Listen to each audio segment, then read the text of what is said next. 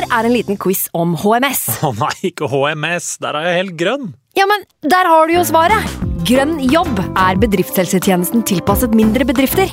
Våre HMS-eksperter hjelper mer enn 8000 bedrifter over hele Norge med alt fra lovpålagte HMS-krav til pålegg fra Arbeidstilsynet. Få på plass bedriftshelsetjeneste på grønnjobb.no. Hallo? Jeg kommer fra Oslo politikammer. Ine Jansen er purk. Er du purk? The motherfucking bitch. Alt jeg vil, er å finne ut hva som skjedde med mannen min. Jon Carew. Er jeg sikta for noe? Iben Akeli. Det er du. Ole So, Lars Berrum og Big Daddy Karsten. Hvem sin side er du på, egentlig? Anette Hoff, Tone Danielsen, Kommer du fra Afrika? Jørnis Josef, Nesten. Kløfta. Trond Espen Seim, Det er synd å si det, men det var feil mann som døde. Purk. Premiere tirsdag på TV2 Play. Nå har vi starta. Fantasy. God evening. through to Jimenez. Now Neto was blocked off off the ball. Jimenez might go in line. God evening.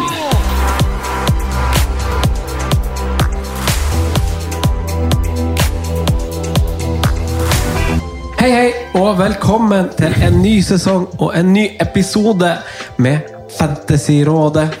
Mitt navn er Franco, og jeg sitter i Simens i stua med mine to freaks and geeks. Vi sier først velkommen til han jeg kjørte bil litt med. Sondre, velkommen! Hjertelig takk for det. Simen, vår vert. Takk for vertskapet, og takk for masse. Takk for masse. masse. I like måte. Takk for veldig masse. Det, det gledes å være i gang med en ny sesong. Velkommen til oss. Takk, takk, takk. Og det her eh, er så, jeg har så vidt lagt EM fra oss, og nå er det at det nærmer seg. Kanskje ikke nærmer seg veldig, men eh, vi begynner å trykke litt på lagene og se, se fram mot en ny Premier League-sesong. Det Det er akkurat det vi gjør! Disse episodene er, det er startskuddet, det. det det er da man begynner å ja, som du sier, trykke litt Dette er jo på litt rot av fantasyrådet, altså disse episodene her. De er vel kanskje de fire vi er mest glad i alle? Ja, Kanskje? Uten tvil. Og jeg, jeg merka det i dag når jeg, eh, når jeg liksom skulle gjøre de siste forberedelser, og når jeg har sittet med det her nå den siste uka, eh, hvordan det liksom har kribla i magen. Man har kjent, sånn som du sier, at det her er rota vår. eh, Og jeg ble, jeg ble så smårørt. Jeg ble stolt av de preseason-episodene her. og Femte året nå, er det ikke det? Femte året. Ja, Jubileumssesong. Det er, det er gøy. Det er det. Et slags jubileumsår. Det er det. Og det er jo det vi skal gjøre nå, for nå vi kommer fra litt litt, litt trauste sesonger. Eh, så, så det vi skal gjøre altså sånn Sondre, jeg sier til deg, se deg ikke tilbake. Nei. Det, det er ikke dit du skal. Nei. Nei. Men Det- nå, nå skal du opp og fram. Hvordan skal du gjøre det? Hva, hva er din plan for året? Ehm, Min plan er kanskje å ikke ha noe sånn altfor stor plan.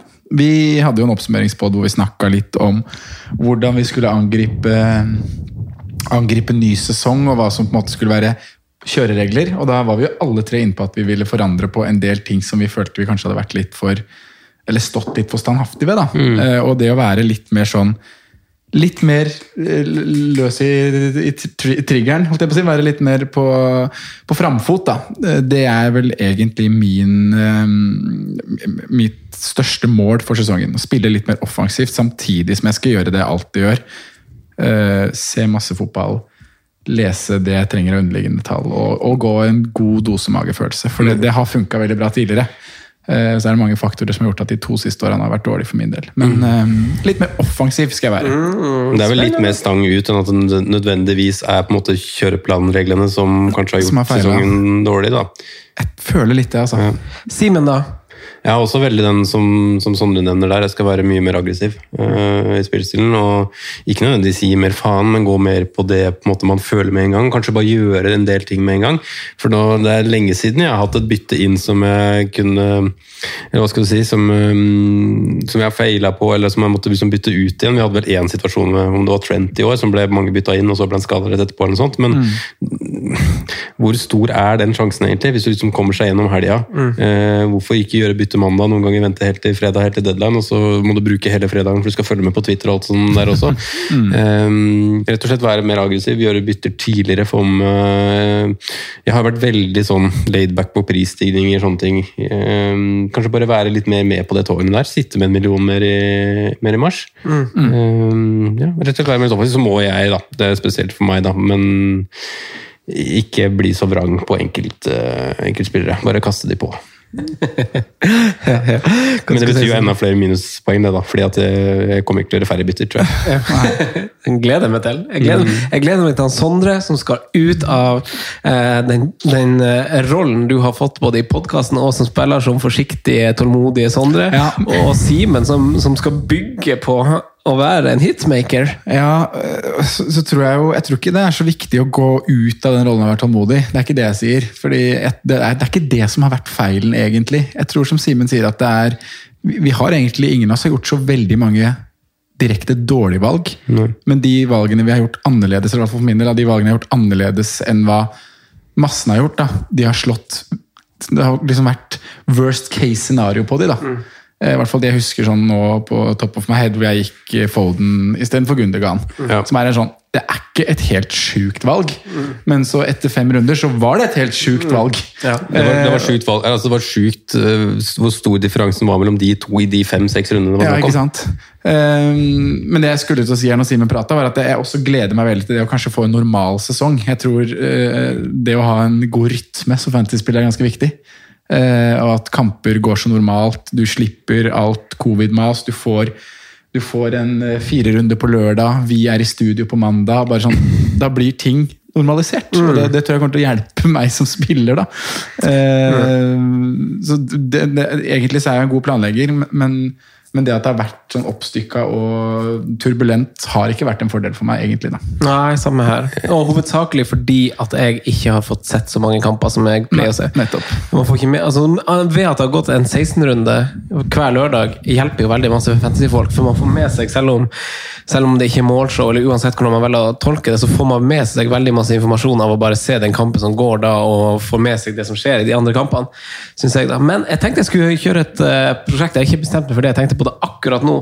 Men sånn er vi i eh, vi har jo det, det programmet på fotball-TV, Englandsposten, og der er jo han Tore Haugstad. Han er jo ganske god å spille fantasy i Premier League. Og han har jo en sånn greie med sine beste venner at de viser jo ikke laget til hverandre før Game Week 1. Og så er det bare sånn og så samles man, og så gleder man seg bare til å se hva har du gjort. Hvordan starter du? Og det handler ikke noe sånn om at jeg vil spille med lukka kort, men det handler om at jeg Eller jo, på en måte gjør det det, men fordi vi har snakka om at alle informasjonskanalene vi har her og der i større eller mindre grad preger oss på et eller annet, en eller annen måte. Selv om vi kanskje ikke tror det, så gjør det det likevel. og, og for meg så blir det på en måte bare en måte å isolere meg litt inn mot Game Week 1 og gjøre, gjøre ting litt på min måte. Uh, og det er kanskje litt lettere sånn nå som vi ikke deler kontor, for det har jo altså, vi- Vi har jo mistenkt at, at av at vi har gjort det, så er vi liksom Våre verste fiender. Ja. Mm. Tidvis, kanskje. Du gir jo åpenbart da mye dårligere råd enn hva jeg gjør, da. For du gjør det jo bedre enn meg. Så du henter jo noe da litt bedre informasjon fra meg enn hva jeg gjør. Ja, tydeligvis. Så det, hvis det er sånn hvis, jeg, Hvis jeg bare skal få litt selvtillit her nå før vi starter. Så. Men jeg er jo enig med deg, og du er inne på det her med, med mm, informasjonskilder. Da. Og det snakka vi vel også om i oppsummeringsepisoden Mm. vår, for de som ikke har hørt den. Så vær eh, varsom på hva du velger å ta til deg. Ja. Eh, Selv om vi er en podkast og vil jo at du skal høre på hvert fall oss, men Mm. kanskje det bare holder med det, da. Jeg, jeg, altså, sommerferien offisielt over. Eh, vi har også spilt inn en eh, Apropos nye episoder. Vi spilte inn vi har, vi har, Nei, for, eh, nå tenkte jeg i fantasy-sammenheng. Og Premier League, for den saks skyld. Eh, vi har spilt inn en episode for nybegynnere. Eller en noob, eller en dust, eller en dork, eller det du måtte kalle det. Men en FPL ABC-episode. Eh, for hvis du vil lære noen, eh, noen venner, bekjente eller familie å spille Fancy Premier League, så kan de gå og høre på FPL ABC ved å søke det opp, og så, og så går vi igjennom eh, fra det mest fundamentale til liksom bare generelle triks du trenger å lære, så slipper du å forklare den dusten din av en far hvordan du spiller fantasy Premier League og alt du skal gjøre. Jeg tror den er ganske rett fram og ganske informativ, egentlig. Ja, Altså. jeg tror det. Og, og om du hører denne episoden på podkast, som du mest sannsynlig gjør, så spiller jo vi den her inn eh, 18. juli. Eh, det samme også med neste episode. Eh, så da vet dere det. Den har vært på Patrion eh, siden det også. Og grunnen til at den ikke er podkast før dere hører den som podkast akkurat nå, er fordi at studioet er stengt, og vi får ikke lagt den ut som podkast. Eh, men som sagt, ferien er over. Eh, Sondre, i dag er det jo noen ordentlige, gode, sure smilefjes og sånn Lutti-krokodille nedi godteposen. Absolutt. Det, er, eh, det er De nye og røkla, som episodenavnet så fint har vært nå i fire sesonger. Det Ja. blir også den femte sesongen. Vi skal gå gjennom De tre lagene som har kommet opp fra championship. Vi skal snakke om Brentford, Norwich og Watford. I tillegg til det så blir det Brighton-prat, og det blir Burnley-prat. Lagene som kom på 16. og 17. plass i Premier League i fjor. Litt overraskende at det er de to. Det kan vi jo dykke mer i etterpå. Hvis Ja. Jeg, jeg, noen- jeg, jeg tenkte bare mer på hva vi trodde kanskje før forrige sesong. Ja, kanskje. Jeg tror, jeg, jeg, Ja, det tror jeg. Alle ikke- de tre hadde vel Brighton relativt Kunne, høyt. kunne vel fort ha vært i neste pulje, begge de lagene, egentlig. Burnley og Brighton, tror jeg. Jeg hørte på preseason-episoden Eller jeg har hørt litt sånn sporadisk på de vi spilte inn i fjor, for å se hva vi meldte om de ulike lagene. Brighton, der er vi nok Det er jeg enig med deg, der var vi ganske mye mer optimistiske. Men Burnley var vi jo alltid litt sånn der Ja, det går vel som det går. Fra 15. til 17. et sted. Eh, Men det er noen andre lag vi skal snakke om i neste episode, som vi var veldig mye mer eh, negative til, faktisk. Ja.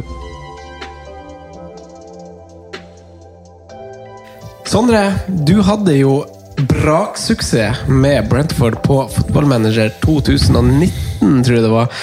Men eh, har laget så langt i Vestlandet at vi nesten nærmer oss Heathrow, at vi nesten nærmer oss David Brent og, The Office eh, uti der.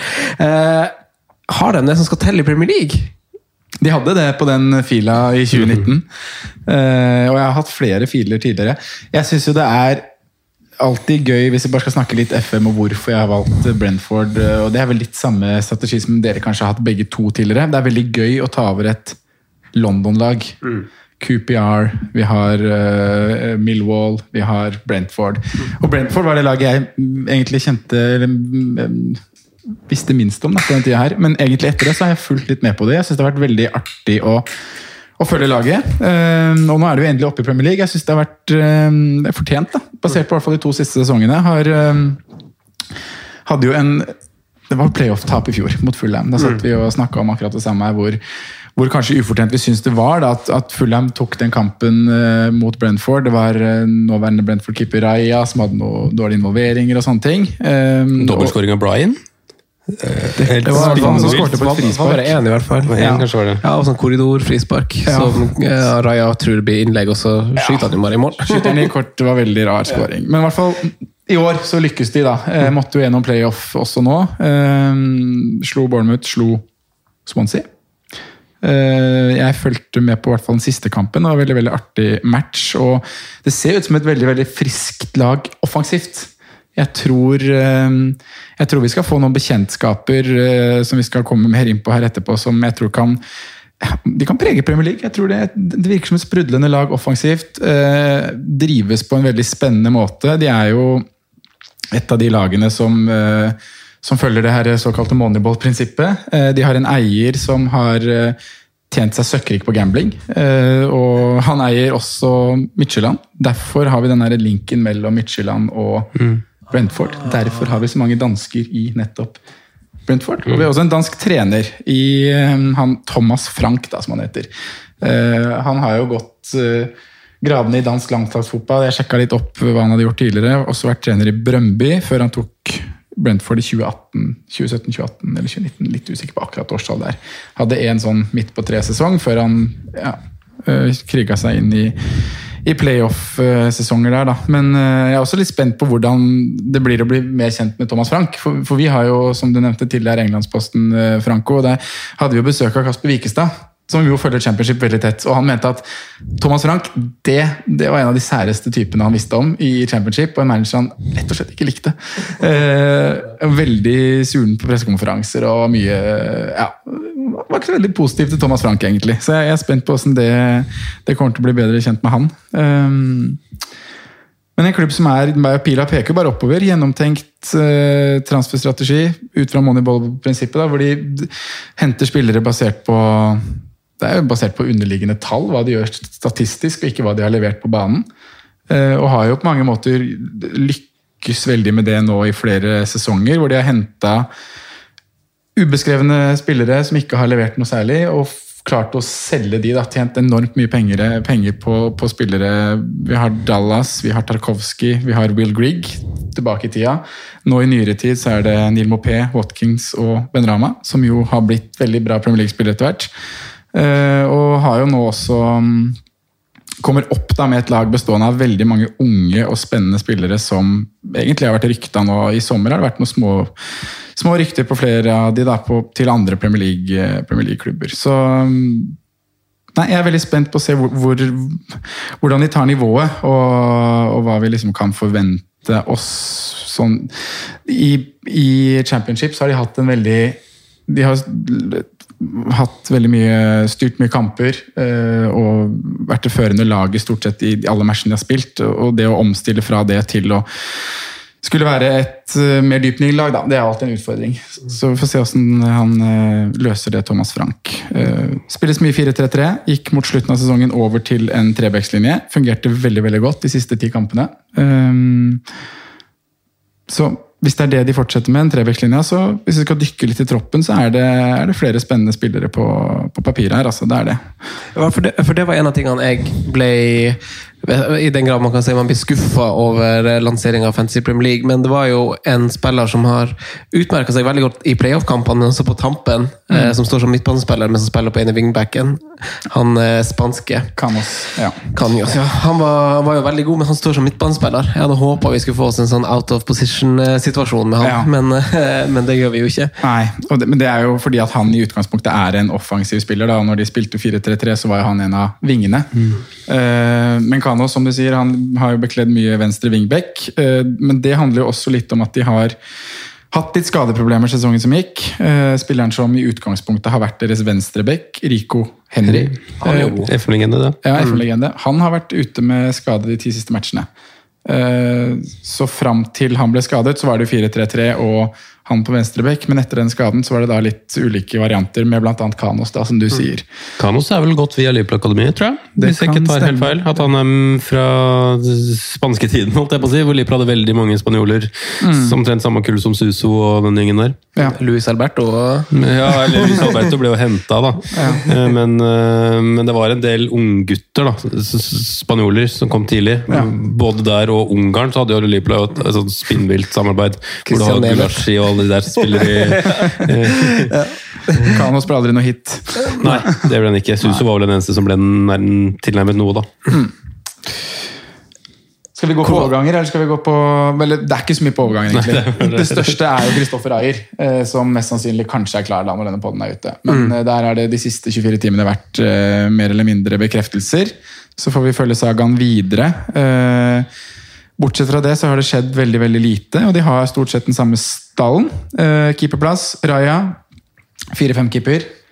Eh, vært linket til Arsenal både i fjor og i år. Det har ikke skjedd noe der. Eh, skjer vel ikke noe i år heller, vil man Nei, tro. nå er han for, for dyr blitt. Han er vel en typisk spansk keeper, hvis man skal si det. Ja, ja, det er i hvert fall den stilen de liker å dyrke keepere. Ja, og så er han relativt bra med beina. Eh, Sweeperkeeper. Litt sånn uortodoks eh, type, da. Eh, det lille jeg har sett av han, så har det vært både himmel og helvete, egentlig. Men eh, ja, det er nok han som kommer til å stå når sesongen starter, med mindre de henter inn noen der, så er det ganske klink. Jeg føler meg ganske trygg på at det er han de står på. Ja.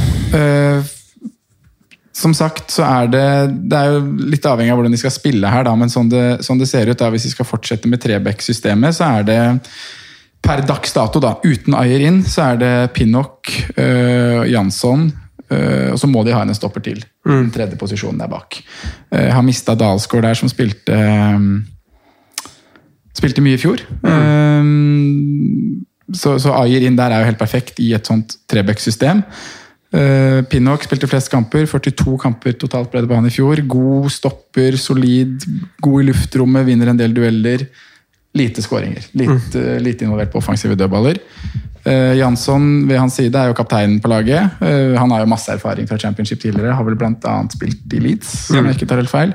Han dro uh, halvveis i sesongen, vel? Det var en slags konflikt som gjorde at han dro. Han, var jo, han er jo kanongod. Ja, så um, han fikk 27 kamper for uh, Brentford i fjor.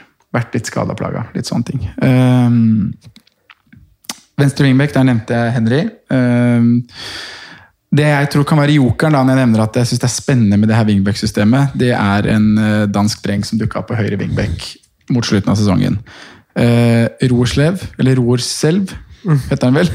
Uh, kom opp fra egentlig U23-laget, om jeg har skjønt det riktig. Uh, ikke involvert i starten av sesongen, noe skadeplaga midtveis i sesongen.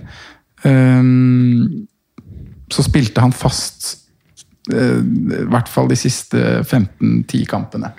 Eh, og syv av de da som høyre wingback, eller midtbane, kall det hva du vil, i 3-5-2, 3-4-3-system. Så der håper jeg da eh, at det kan være noe å hente utover. Eh, Det jeg frykter er at når Henry er tilbake, så blir han venstre wingback, og Kano spiller da på høyre. Ja. Eh, Men det vi så av Roerskjell, i hvert fall i playoff og sluttspill, og sånn, var at han var veldig veldig frisk. Jeg likte han veldig veldig godt i så den ene Bournemouth-kampen og, og finalen mot, mot Swansea. Uh, Så jeg har en watch på han. Alle her koster jo 4-5. Uh, I tillegg til de jeg har nevnt nå, så har de Mats Beck Sørensen, som er en slags backup og har spilt både midtstopper og venstreback. uh, Men som jo kommer litt bak de andre i, i prioriteringsrekka her, da. Um, midtbane, der har de et defensivt anker som man ikke skal røre fancy-messig. Uh, Janelt, tysker, uh, tre skåringer, tre assist på 40 og noen kamper, så det er ikke noe å hente sånn sett. Rydder. Han er ryddegutt og fikk åtte gule kort i fjor. Uh, men rundt han da, så er det jo det, det er der man kan se etter krydderet. Dere nevner Kanos til 5-5, som er en fin spiller. Um, det var han som var flest ganger på banen totalt av disse offensive spillerne i fjor. 36 kamper. Eh, nei, 36 starter hadde han faktisk, og 13 innhopp. Um, I tillegg til han så har du Mbuemo, som kanskje er den som har vært mest nevnt på, på Twitter og, og sånne ting da, i oppkjøringa av disse midtbanespillerne til, til Brentford. Uh, koster 5-5, 39 kamper fra start. Åtte innhopp. Um, han har 42 målpoeng på 86 kamper totalt for Brentford de to siste sesongene. I fjor så hadde han åtte skåringer og elleve assist. eh, Og er en spiller som Han har kanskje havna litt i skyggen av andre gode navn i Brentford de siste åra. Du har hatt uh, Mopé som har gått, du har hatt Watkins, du har hatt uh, Ben Rama. eh, og er jo da den siste igjen av den denne BMW-trioen. Ben Rama, Watkins og, og Mboemo. Så, han er spennende og blir veldig gøy å følge i Premier League, og man kan ta steget. Da. Men jeg, jeg tenker vi har sett lignende historier med spillere tidligere som ofte trenger, trenger litt tid. Um, så jeg har en mann i angrep på samme lag som, som litt mer attraktiv enn Men- Mbeumo fra start. Bare en sånn replikk. Jeg tenkte på, på den formasjonsgreia som du nevner. Fordi han har et, og, og som vi har snakka om i kanskje tidligere episoder, når sånn nyopprykka lag alltid skal signere en spiss og gjerne signere toppskåreren fra championship for alt det er verdt. Mm. Men eh, det jeg tenkte, det jeg tenkte at vi, vi snakker om de her dårlige lagene trenger gjerne en spiss som har en sånn X-faktor av noe slag. Enten så er det stor og sterk, rask, et eller annet som, som en mots, et motstander må ta hensyn til. da.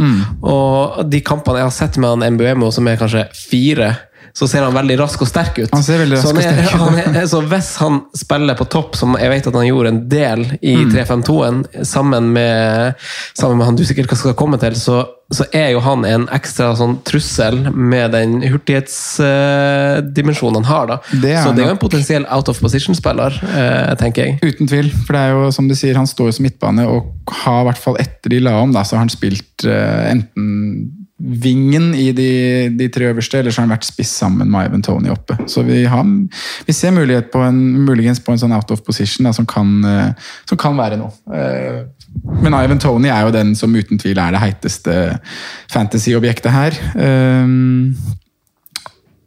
han scora vel så mye som Han har 41 målpoeng på 45 kamper. Eh, 31 skåringer, 10 assist. Men han har jo nå gått fra, fra League One til Premier League på veldig kort tid. Uh, han ble signert fra Peterborough for å erstatte Watkins. Uh, hadde da hatt to gode sesonger i League One. Før det kom han fra non-league, tror jeg. Om jeg forstått det riktig. Vært i Newcastle Ja, tidligere. det stemmer, det stemmer. det vel Ja, ja. Og så innom noe dårligere klubb enn Peterborough. Kan det ha vært Northampton? Det, har- det vet jeg Nei, ikke. jeg lurer på om det kan ha vært det. Uh, og så var det Peterborough. To gode sesonger der i League One, og nå en veldig god sesong i Brentford. da. Så um, straffeskytter, uh, sikker spilletid, gode avslutninger. Lazy. Ser veldig slapp ut. Men um, det er jo han det er to streker under i det Brentford-laget her, hvis vi skal se på noe fra, fra start. da. Seks og en Eh, halv, eller? Seks og en halv, riktig. Eh, og ellers, ja, jeg toucha vel innom prisene på de på midten, og de meste koster 5-5. Så har du eh, sånne spillere som kan snu litt kamper. Du har, du har eh, han Saman Ghoddos. Han er vel svensk-iraner eller svensk-iraker. Ja, Østersund. eh, Ja, riktig. Eh, I tillegg til eh, Fosu. Tariq Fosu Henry, som også har kommet inn og Det er jo litt sånn eh, Skandinavias eh, innspill her, i hvert fall hvis de får med Ayer òg, da. Og så er det vel Ja. linka til både begge hva skal vi si, kanonene på midten hos Midtjylland òg, så Nå holdt jeg på å si Mike Jensen på midten. altså ikke det, men det heter Jensen i hvert fall. Ja, Mathias, ikke det? Mathias heter han, ja. ja. mm, Begge disse ti, reservetierne, holdt jeg på å si, til- som vi ble kjent med under EM, er jo Brentford sine. Men han, Ja, han, Mathias. han, han tar jo åpenbart straff, han Tony. Jeg tror han skåret Ja. på ni straffer, eller noe sånt. Så ganske mange mål. Han veldig sikker straffeskytter. Og så mange straffer får han jo ikke i Premier League. Nei. Det er ganske sikkert. Nei, det Men var vel ikke et og lag som var mest i fjor, da? United hadde 17, kanskje. Jeg leste ja. Men, eh, men eh, jeg så jo også på han Han er jo involvert i 40% av målene som Brentford. for Han skårer jo en del mål. Ja. Og så er jo spørsmålet som du innleda nesten med, Sondre, å å angripe Premier League på samme måte. Som de gjorde med Ja. ja. Men, men altså, Vi skal jo faktisk ikke kimse av det, da, men vi skal innom Norwich etterpå. Men det, du skal du skal være ganske hissig på grøten hvis du skårer mer enn Norwich i, i Championship. altså. Med tanke på de to siste sesongene Norwich har hatt når de har rykka opp til, til Premier League. Og Brentford er vel mestskårende den sesongen som var, så Ja, jeg, ja, jeg mener at du nevnte kanskje ikke det i innledninga her, men jeg hadde noe talt på det at de har eh, Ja, skåret mest av alle lag med Ja, det er hissig, altså. Ja, 70, det, Det- er, det er tre mer enn Norwich, da. Og da er det bra gjort å være involvert i 40% av de målene når du er spiss. Men uh, Slapp inn 42, da. Det er jo også ganske bra, faktisk. Det er fjerde beste. Eh, Det er etter snitt, da. Det er jo ikke så bra hvis du på en måte er helt i toppen. Så bør det vel kanskje ligge nærmere 07-08, kanskje. Men Ja. uh, Championship er jo en Kokosliga, det da. er mange kamper. Men hva tenker dere om, om Townie? Eh, Altså, det er kun Armstrong som kanskje er en spiss som kan hentes av et Premier League-lag, og Pukki som kommer til flere skudd per kamp enn det, enn det Townie gjør. Så selv om ni av dem er straffa, så kommer han jo åpenbart til eh, de skuddmulighetene. da.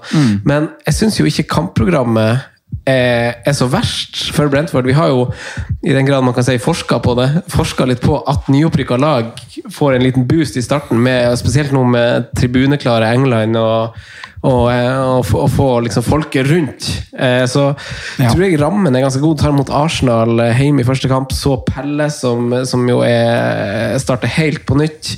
Eh, Aston Villa, den er litt seig. Brighton, Wolverhampton.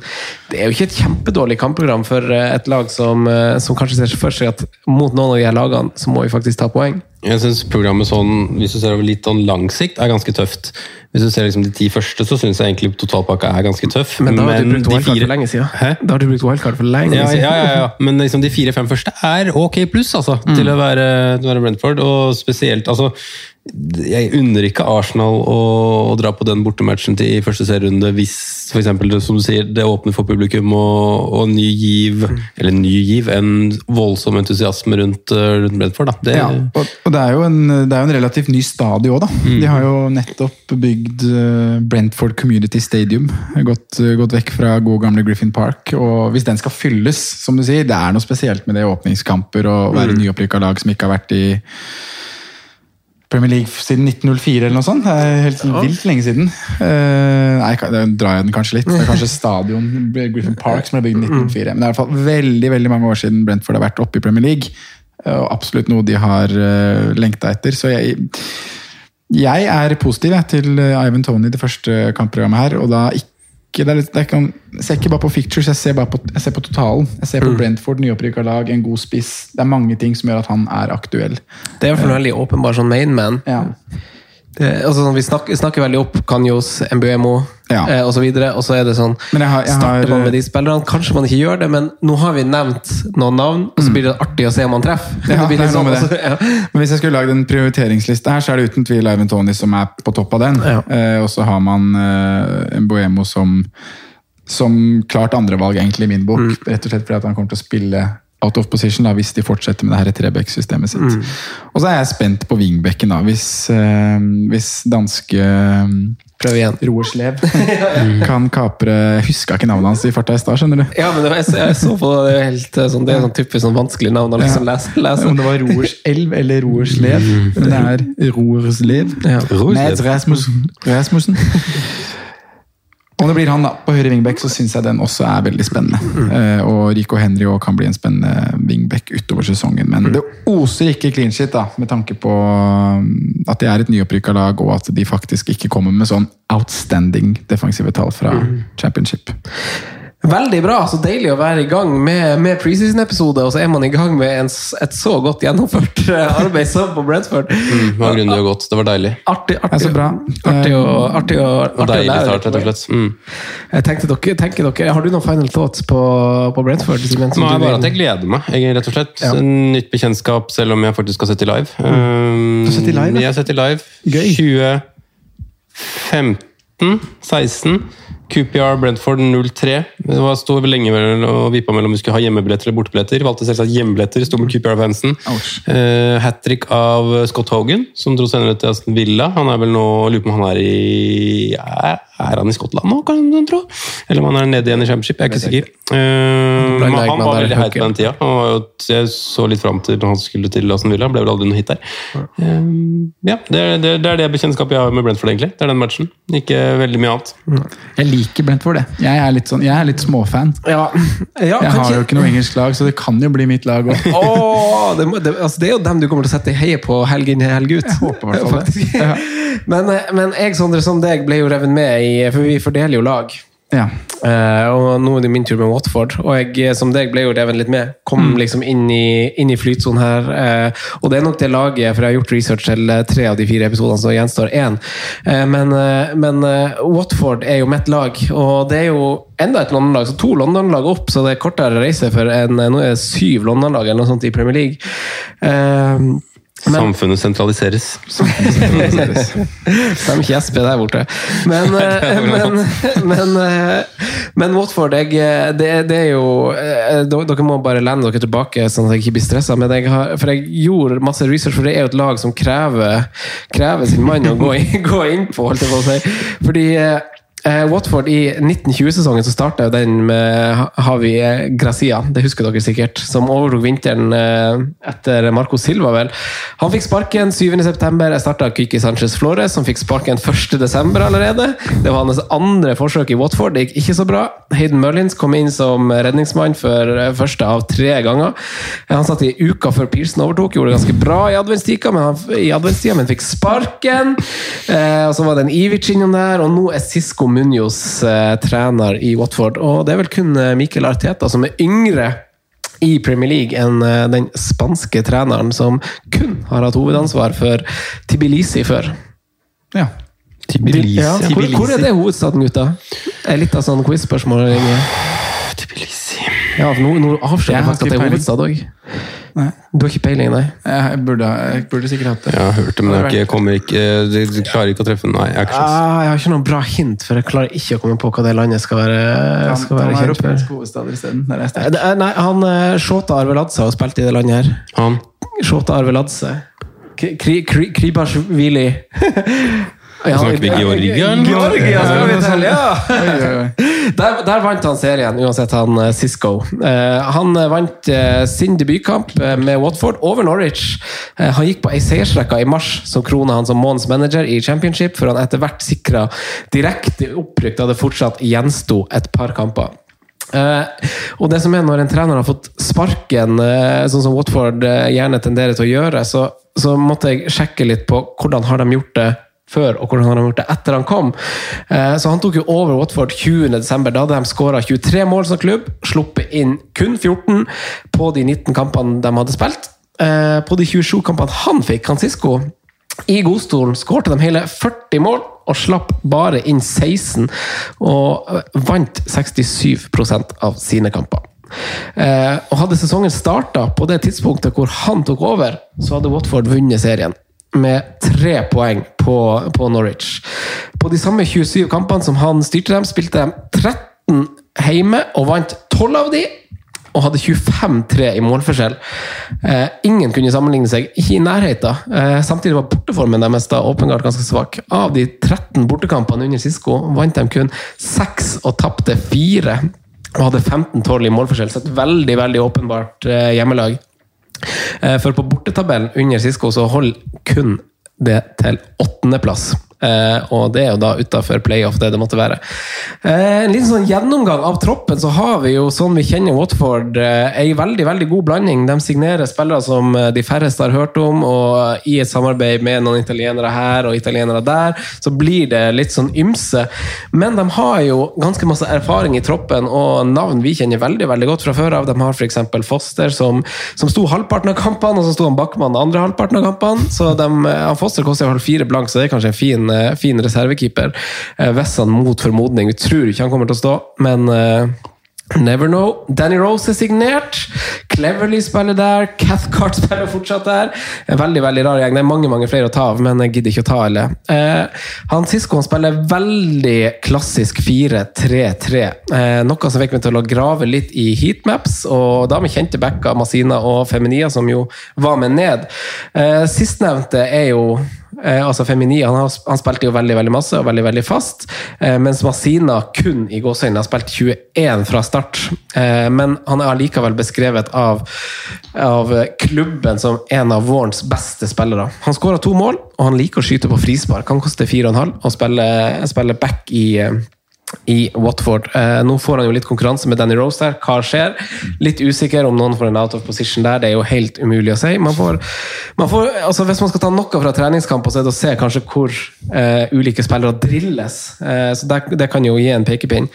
Eh, Feminia han hadde bare fire målgivende, så det er på en måte ingenting å se til. Så, så, så Eh, det er en sånn fin en å se an hvis man ser hvem som spiller. Kan det være en out of position der? Kanskje. Eh, eh, men på venstrekanten så har jo en spiller vi kjenner også til fra, fra Sverige, Ken Sema, spilt. Fem målgivende og fem assist hadde han. Så han må jo eventuelt ryke, men det vet jeg ikke. Han har hatt en ganske, ganske grei sesong. Men ser man på programmet til Watford, så er det jo ok fra et defensivt perspektiv etter eh, spesielt den første pausen. da. Mm. Så kanskje man kan ta seg råd til å vente. Backman som sagt står nok i mål, men Foster som sagt, fin nok eh, Fin nok backup til fire blank, for man skal jo ha en fire blank-keeper som reserve. Eh, midtbanen er jo for veldig mange litt sånn grå og døll, hvis dere tar en titt på den. Men det er flere kjente her som, som kan spille sentralt. Eh, men de kan jo egentlig bare glemme. Snakkisen er jo åpenbart kantene. Det er Kensema til 5,5. Han hadde fem mål, og fem målgivende på venstresida si. og Naturligvis er det Ismail Azar som er snakkisen. Han kom inn til seks blank.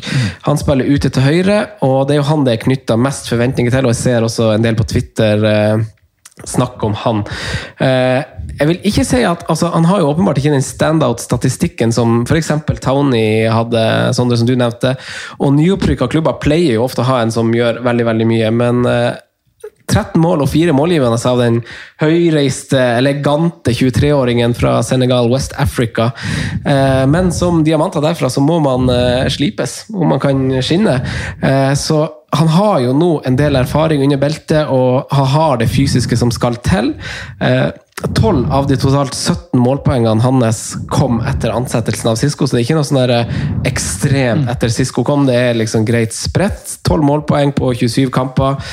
Eh, involvert i 12 av de 40 som ble skåra. Det, det, er jo liksom dessverre ikke godt nok til at man starter med han på Fantasy Premier League. Syns dere det? Nei, jeg synes egentlig det er Det var litt sånn bekreftende for meg å få akkurat de tallene der. Ja. Fordi jeg har sett og hørt, og vi har også snakka liksom om at SAR blir spennende. Mm. Men det der er jo ikke akkurat så veldig bra. Nei, Eller det- sånn, det, det er bra, misforstå meg rett, men det er i championship. Nå er det Premier League. Ja, det er ikke, det er ikke på langt nær Townie, hele Vi skal gjennom en del andre navn også som har ganske mye råere tall, og man husker jo det også egentlig fra forrige gang Mm. han var oppe. altså Veldig mange som hadde den inne og sånn, men hva var det man fikk faktisk Mm. fikk over tid? da? man fikk et hat trick eller hva det var i den ene matchen.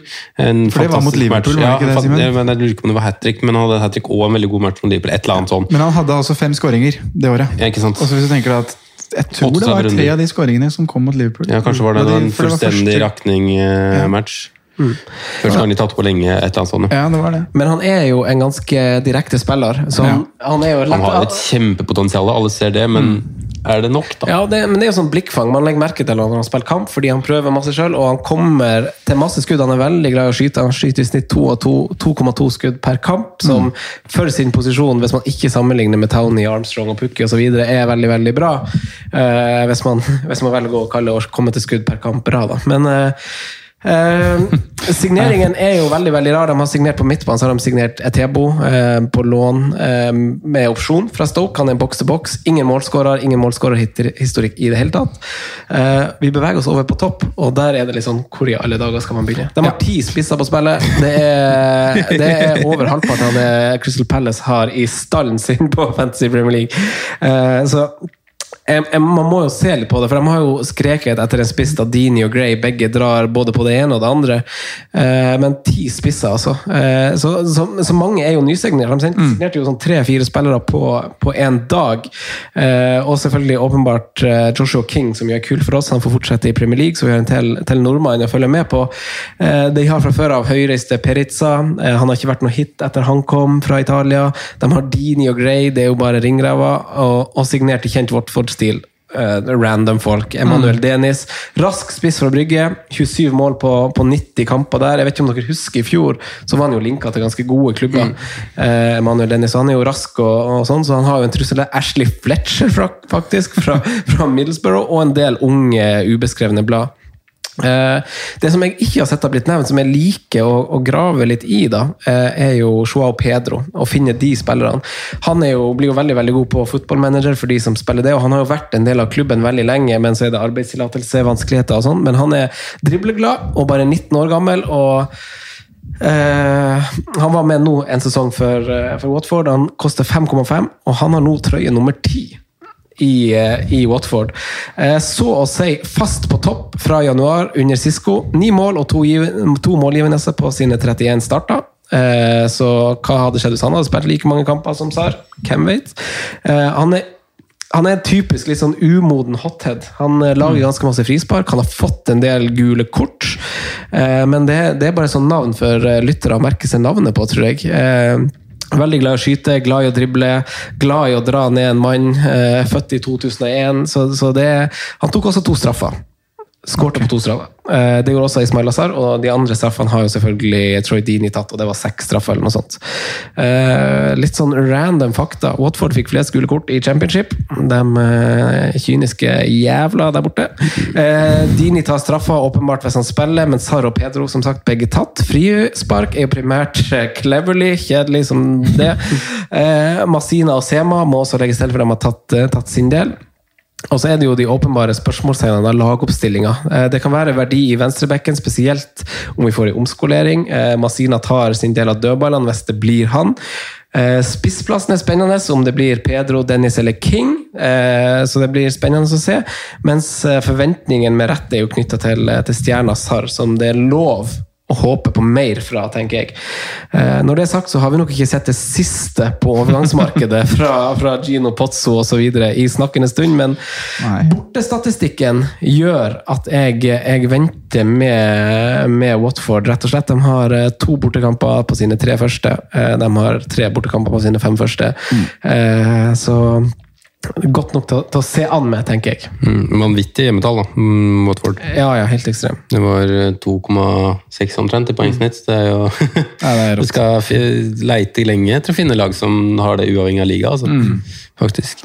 Veldig solid gjennomgang. Det var bra. Eh, 35 spillere altså på, på, Fantasy Premier League her har de i mm. troppen sin. Det er jo helt sykt. Sammenligna med Crystal Palace. Med den, 18!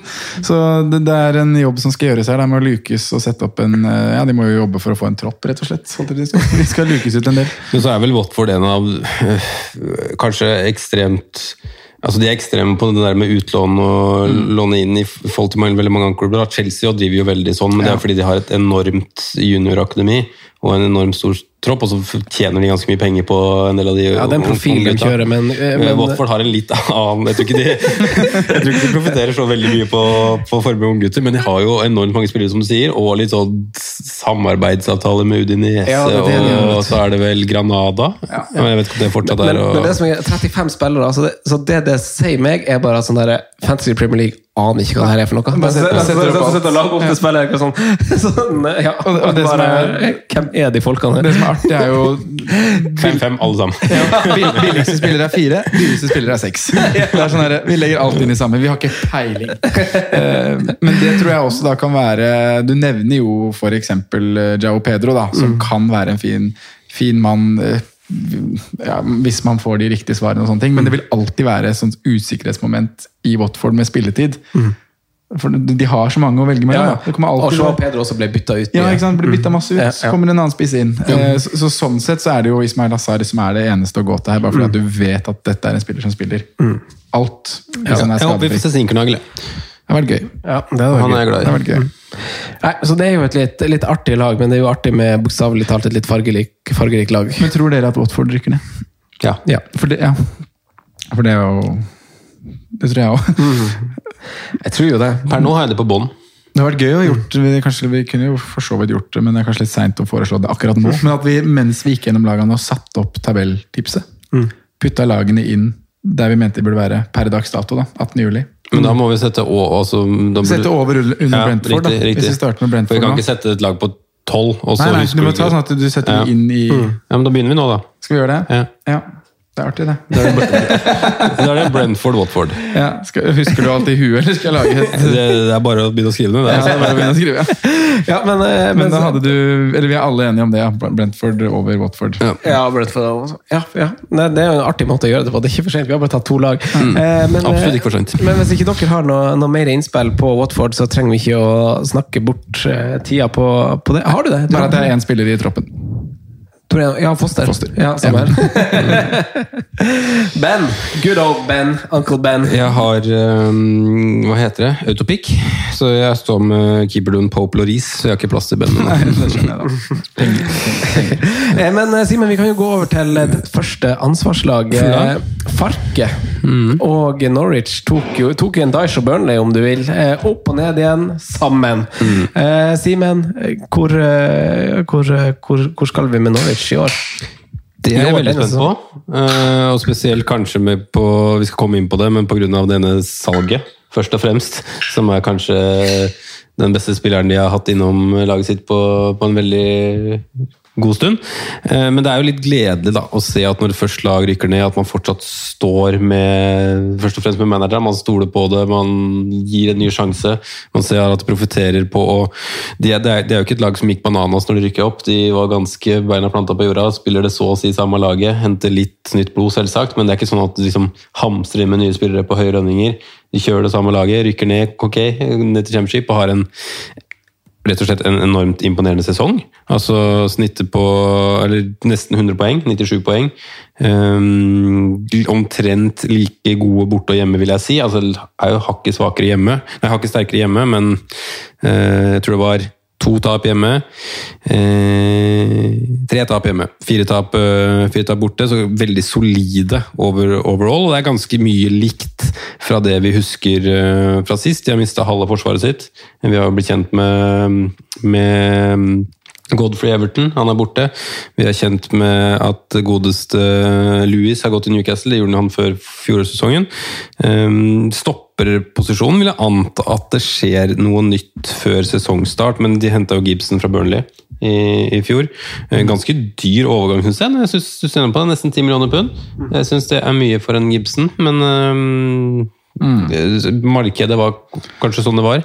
Eh, hentet en, eh, en gresk venstreback. Gianoulis hadde vel pant på lån i fjor. Ble, vet ikke om det var en opsjon eller om det var en avtale fra før, men de har i hvert fall fått den permanent. Eh, brukbare tall ifra gresk liga. Ikke noe sånn voldsomme tall de 16 matchene hadde for, eh, for Norwich i fjor. Det er nok mer interessant å se på mannen på motsatt bekk som var linka til Barcelona i fjor.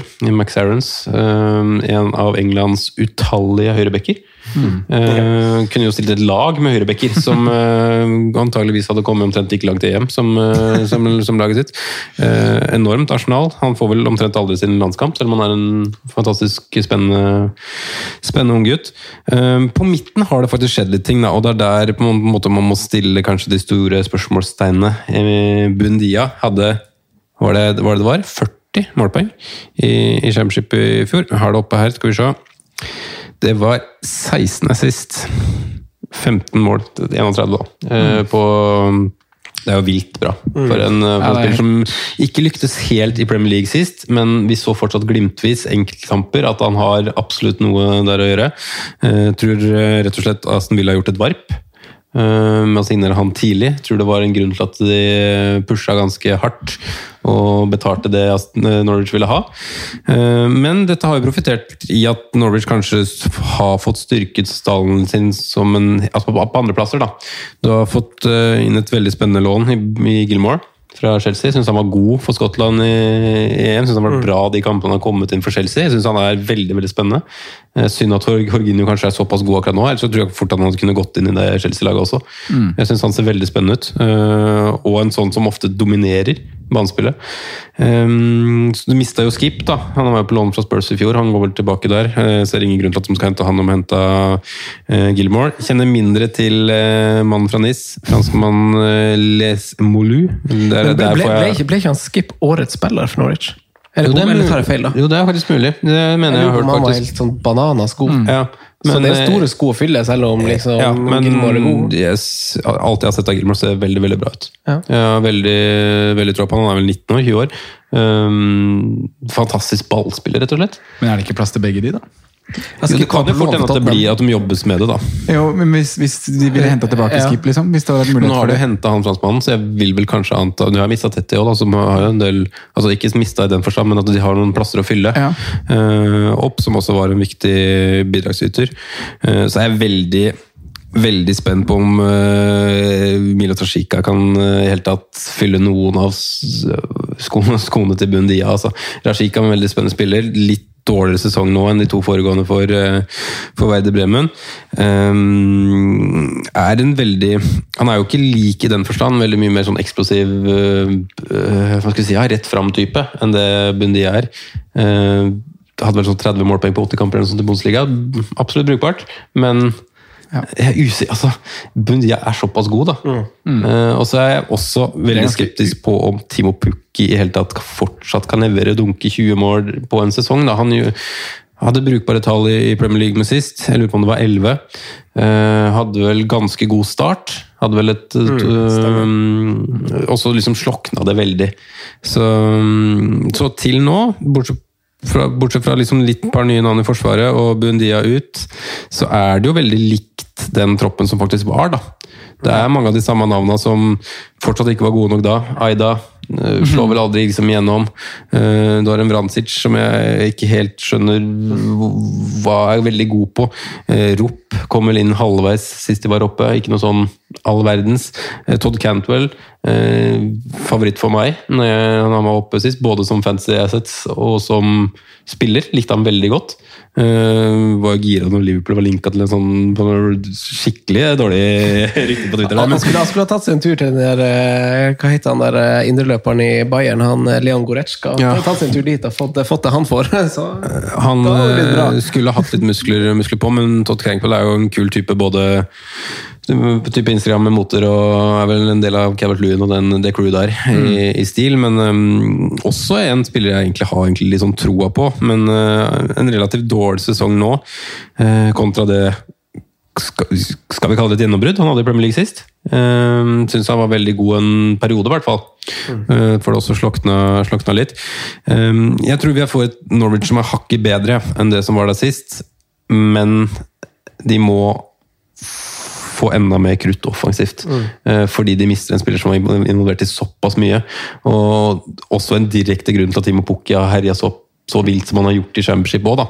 Med eh, 50, 50 mål på de to siste sesongene hans i Championship. Det er jo helt enormt. Men eh, det er de store spørsmålstegnene. Men um, er egentlig sånn halvpositiv. Um, vi kjenner jo De spilte jo 4-2-3-1. Uh, vi kjenner jo veldig godt til Norwich. Det er ikke så mye forandringer. Det er samme spillestil, samme manager. Um, går i uh, tyskerskolen, egentlig, med veldig mange av de andre på spillestil. Uh, en mini En miniklopp. Wagner, altså veldig lik spillestil som den gjengen der. Men tror, tror du at de kommer til å Eller tror vi at de kommer til å gjøre noen grep nå som de ikke gjorde sist? Nå har de, vært, de var oppe for to år siden. eh, var veldig standhaftige på at de skulle fortsette å stå i sitt system. Alle sa vel det Trond, at de, disse holder seg. Hæ? Ja, mot. Liverpool, Liverpool i første. Ja, 4-3 4-3. eller 4-1. Men tror vi nå at eh, når de kommer opp denne gangen, da, at de kommer til å gå litt mer på akkord med seg selv? da, mm. og, og, og vike litt fra prinsippene, ha en mer defensiv tilnærming. Eh, rett og slett spille en litt annen type fotball fordi at det er det de må gjøre for å overleve i Premier League. Jeg Eller må- tenker vi at de kommer til å kjøre på som du sier, med Farke-stilen? Ja, litt sånn mellomting. Litt mer enn det de var sist. Men jeg tror fortsatt de kommer til å kjøre, kjøre på, for det er der de har sine styrker. Og så har de sett også at, selv om det er mye mer ekstremt også, men at de har sett hvor godt Leeds lykkes med det her. da. Eh, og tipper de vil prøve å sammenligne seg litt med, uh, med, Leeds. selv om Bielsa er mye mer ekstremt enn det Farke driver med. Eh, men Fark også er jo en type, vi husker intervjuene også, mm, hvordan han var eh, At vi skal spille på vår måte. Vi skal gjøre det sånn vi trener på. Det er det som er våre styrker. Og de har også spillerne til det. Altså, Selvsagt, nå får vi se hvordan det blir med Bundia, men altså, alle spillerne som er Norwich sine beste spillere, har sine styrker offensivt. Og så har de et kjempeproblem, mener jeg, med, med Grant Handley og Ben Gibson som uh, Ben Gibson, nå ble jeg veldig usikker. Det Ja, var er det han er heter. Eh, som stoppere. Men jeg tror jo, jeg tror jo det, Det er ikke bra nok i det hele tatt. Nei, Ben Gibson han tror jeg er ganske god, egentlig. Altså, jeg, tror, Ja, jeg, tror, jeg jeg, tror, jeg tror bare sånn jeg tror, jeg tror ikke det finnes et lag i Premier League som er vanskeligere å spille seg inn i enn Burnley. Og ingen, Nei, får, ingen ja. får en sjanse hos han Altså, Nei, for du må kunne, altså, du må kunne Altså, alt av hans Altså, er det taktiske det stopper- stopperparet Ben der Tarkovsky. er jo veldig bra. Det er jo, du kan ikke si at det er et av Premier Leagues beste stoppepar, men det er fader ikke langt unna. Altså. Det er et godt stoppepar. Men han gjør jo mye riktig som deg også. Du ser Ja. det med, med hvor altså Michael Keane også var jo en veldig bra, bra stopper. Ikke kanskje vært har vel kanskje ikke vært like god for Everton som han noen var for Burnley. Nei, men det er men det handler jo om hva han skulle gjøre i Burnley, og hva det han nå må gjøre Ja, i jeg er Everton. enig i at han var god i fjor, eh, Franco. Men, Men, men, ja, eh, det, men det er jo det samme med alle Vi skal ikke snakke så mye om Burnley, jeg skal ta det etterpå. Men, men det, det er jo sånn, det, altså Om du er spiss eller kant, eller hvem det er, så er det ingen som Så det er så få som får sjansen der, da. Men du har et godt poeng med makkeren hans, i hvert fall. da. Ja. Gibson kan vi Der er vi kanskje det, det er litt, Jeg har litt tro der at det kan gå. eh, Grant Hanley var ikke i nærheten sist han var i Premier Altså, jeg har ikke sett, jeg har ikke sett mye championship nå heller, men han var ikke i nærheten. Og det må gjøres. Og jeg ser også at de linkes mildt til, eh, til Christopher Ayer, men han nærmer seg vel med stormskritt, stormskritt til Bredford. Ja. Eh, Så, men de må på jakt. Men det er jo viktig å ha i bakhodet. Det var en grunn til at han spilte så masse forrige gang. Eh, og nå, nå, har han han er jo den som spilte tredje mest, men de hadde jo så sykt masse skader Ja, eh, da de var i Premier League. Tett, de var nede og spilte stopper der, og det brant jo virkelig. Så det er noe Simemann ble vel ute en god periode. ja, han og mista nesten hele sesongen. Så, så det tror jeg også var en stor del til at det liksom rakna så masse som det gjorde for Norwich. da. For de hadde en god start, de hadde en brukbar Ja. periode. De hadde en positiv opplevelse på Anfield, selv om de tapte 4-1. Mm. De slo City tidlig, og det var liksom en litt, litt giv der. Pukki var i gang. ikke sant? Vi husker det. det all, alle borte. prata om det Pukki-partyet. Han skåret én mot Liverpool, skåret hat trick rett Mm. etterpå. Det eneste jeg glemte å si for så vidt i overgangssagaen, er jo at Team Krohl har fått seg en konkurrent. En Ja. som har vært litt bortgjemt i, i, på sørkysten. Eh, har faktisk litt troa på at også det kan bli en firekeeper som får litt spilletid Ja, i, i, i. Jeg har skrevet det ned, jeg var, så jeg er glad du nevnte det. Ja, fordi, også fordi at Tim Krohl eh, For en mann Kim Ja, Kule er. Blir snakka ned gang på Ja, gang, kommer tilbake. Ja, jeg- Redde straffe, Redder straffer, mest clean shit, eller flest clean shit i championship i fjor. ja, han har en Han, er den Han er en bra keeper. Han har først og fremst pga. det vi prater mye om, den auraen og den tilstedeværelsen og størrelsen. Og, og jeg hadde jo blitt mye mer redd med å møte han eller med å møte Raja eller med å møte Unai Simon eller hvem det skulle være. Altså, Han har en sånn djevelskap i seg, da, og det beste er når Louis van Gaal bytta han inn for straffekonken. Det er det aller beste. men Men Angus Gunn har jo vært et sånn stort keepertalent i Ja. mange Ja. år. Som bare, som du sier, vært litt bortgjemt nå da, i Southampton. Ja, Southampton har hatt fire keepere som er like gode. ikke sant? Ja. Da har han vært kanskje den hakket dårligste av de, ifølge de som hadde trent, eller trent da, og ikke fått sjansen. Det er jo en, øhm, Han er jo bare 25 år, det er ung til å være keeper, det. Så øhm, det Ja, kan det bli er veldig, spennende. veldig interessant, en keeper. Jeg husker han Martine, som jo, da han gikk fra Arsenal til, eh, til Villa, så hadde han jo noen sånne altså, Han har ikke sagt ett ord vondt om Arsenal, han virker som en helt fantastisk fyr, men han sa, han sa jo liksom bare sånn at han sa jo bare sånn at keeper, keeperveien er annerledes enn for andre spillere. Man må forvente litt benketid, og så henter man erfaring på en måte fra utlån, men også andre måter. Så plutselig er man bare der. Mm.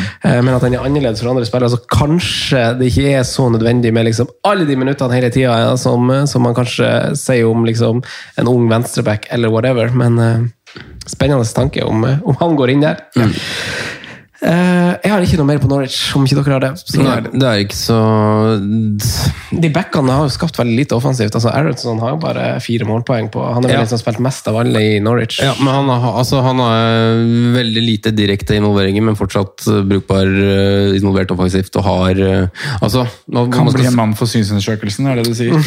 Absolutt. Leverer ikke, men eh, jeg har ikke sånn voldsomt altså, Det er litt mer sånn generelt, da, men jeg føler at det er veldig mange 4-5-forsvarere som er interessante akkurat nå. Ja, Eh, ja, det kommer det vi nok inn på når vi skal gå gjennom flere og flere lag. Mm. Det er vel eneste grunn til at jeg ikke kommer til å Det er derfor vi er rope høyt om McLarens, da. Nei, og, og han- Samme gjelder jo egentlig eh, Brentford-forsvarerne til 4-5, og Ja. Watford de er jo ikke aktuelle, for de vet ikke hvem som spiller. Men det er så mange andre fine, som du sier her, da. Så Ja. de blir bare sånn lagt bort pga. det. så, men at han kan få sine, mm, sine målpoeng og sine bonus, eh, det tror jeg. Selv om ikke tallene Det var to pluss to. eller Det var, det var Ja, i det er. Og det er svakt for et mm. lag som rykker opp og skal ha en offensiv høyrebekk som er linka til Barcelona. Ja. Eh, Og grunnen til at vi kanskje ikke nevner Pukki og snakker om aktualitet i Norwich, er det fordi at de har jo det verste kampprogrammet jeg noen gang har sett i hele mitt liv. Bare å droppe. Eh, Men, Men det kan være fint. Vi kan eh, vi, For dem. eh, Kanskje. Eh, hvorfor det? Fordi de kan kontre. Ja, det kan de gjøre. De liker jo sånne type matchbilder, egentlig. Jeg ville jo heller ha spilt mot Brentford og Watford, og kanskje, kanskje Jo tatt litt Burnley. og sånt. med tanke på at de, de vant eh, championship i fjor, så ville de jo gjort det. Men uh, jeg skal ta et lag vi kanskje, kanskje som kanskje er det laget som vi kommer til å snakke om kortest av alle på disse episodene, det er Burnley. Eh, For nå er vi tilbake i Premier League. Vi har tatt de nyopprykka. Eh, Burnley har jo underveis eh, sesongen som gikk, fikk noen mormonske eiere, faktisk. Mm. Dum, dum, dum, dum, dum. Nei, nei det, det, det er dumt, faktisk. Det kan være mormonske eiere. Så jeg hadde referanse til Det var bare en sånn Park-episode, men det er jo bare tullete. Men de har jo lova det ene og det andre. Blant annet så har de jo lovt at Sean Dice skal få fortsette. Han skal få midler, få det der, eh, den der åpenbare talken der. Men så ble det treningslært i Cork. eh, ikke sant. Burnley har åpenbart tydelige føringer fra øverste hold på hvor de skal reise, hvem de skal signere, hvor de skal signere fra. Gjerne kanskje også om, eh, om hvordan de skal se ut, tror jeg. For det er jo en eh, fryktelig rasistisk by, det, det greiene der. Det er ikke bra. Eh, Det er så, ikke bra. Så, så det, ja, nei, men det er litt artig å ha det i Premier League, syns jeg. Ja, har ingenting med, Ironisk nok er det favorittlaget ditt. Intet nytt under solen på Turf Moor, altså. Eh, sesongen som gikk, de havna jo på, eh, på en skuffende 17.-plass. Eh, eh, altså, vi har snakka om lag som er dårlige på å, å bygge på en på en overpresteringssesong, eh, og det har jo Burnley gjort veldig veldig dårlig. De har jo gjorde en god sesong for et par sesonger siden, og så signerte de da vel Gibson, f.eks., eh, men de gjorde ingenting nytt med elveren sin whatsoever. Henter, henter fortsatt det samme som de pleier å gjøre, men jeg titta litt. eh, De slapp inn hele 55 mål sesongen som gikk, og Burnley er jo vanligvis et lag man på et eller annet tidspunkt av sesongen ser etter en defensiv spiller fra. Om det er Pope, som nå er prisa ut, eller om det er Me, eller om det er Charlie Taylor eller Lauten, så, så et eller annet tidspunkt så er det sånn Skal jeg prøve litt Burnley. 55 mål mot, eh, så jeg måtte kikke litt på eh, noen flere sesonger. Og de slipper generelt inn en del mål, altså. De har sine rakninger, holdt jeg på Ja, å si. de altså. har det. Og De har det, ja. de, hadde, de hadde 11 clean sheets nå, som jo er helt middels. City hadde 19, så helt overlegent. bra, Eh, sesongen før så hadde de 15. Men det er bra for et lag som blir nummer hva skal si, 17 på 17 i Premier League og Ja. får 11 clean. Det er bra. da. Ja, det, det er ganske bra. Men, mens eh, jeg trodde det, det var liksom dårlig sammenlignet med hva de pleide å ha.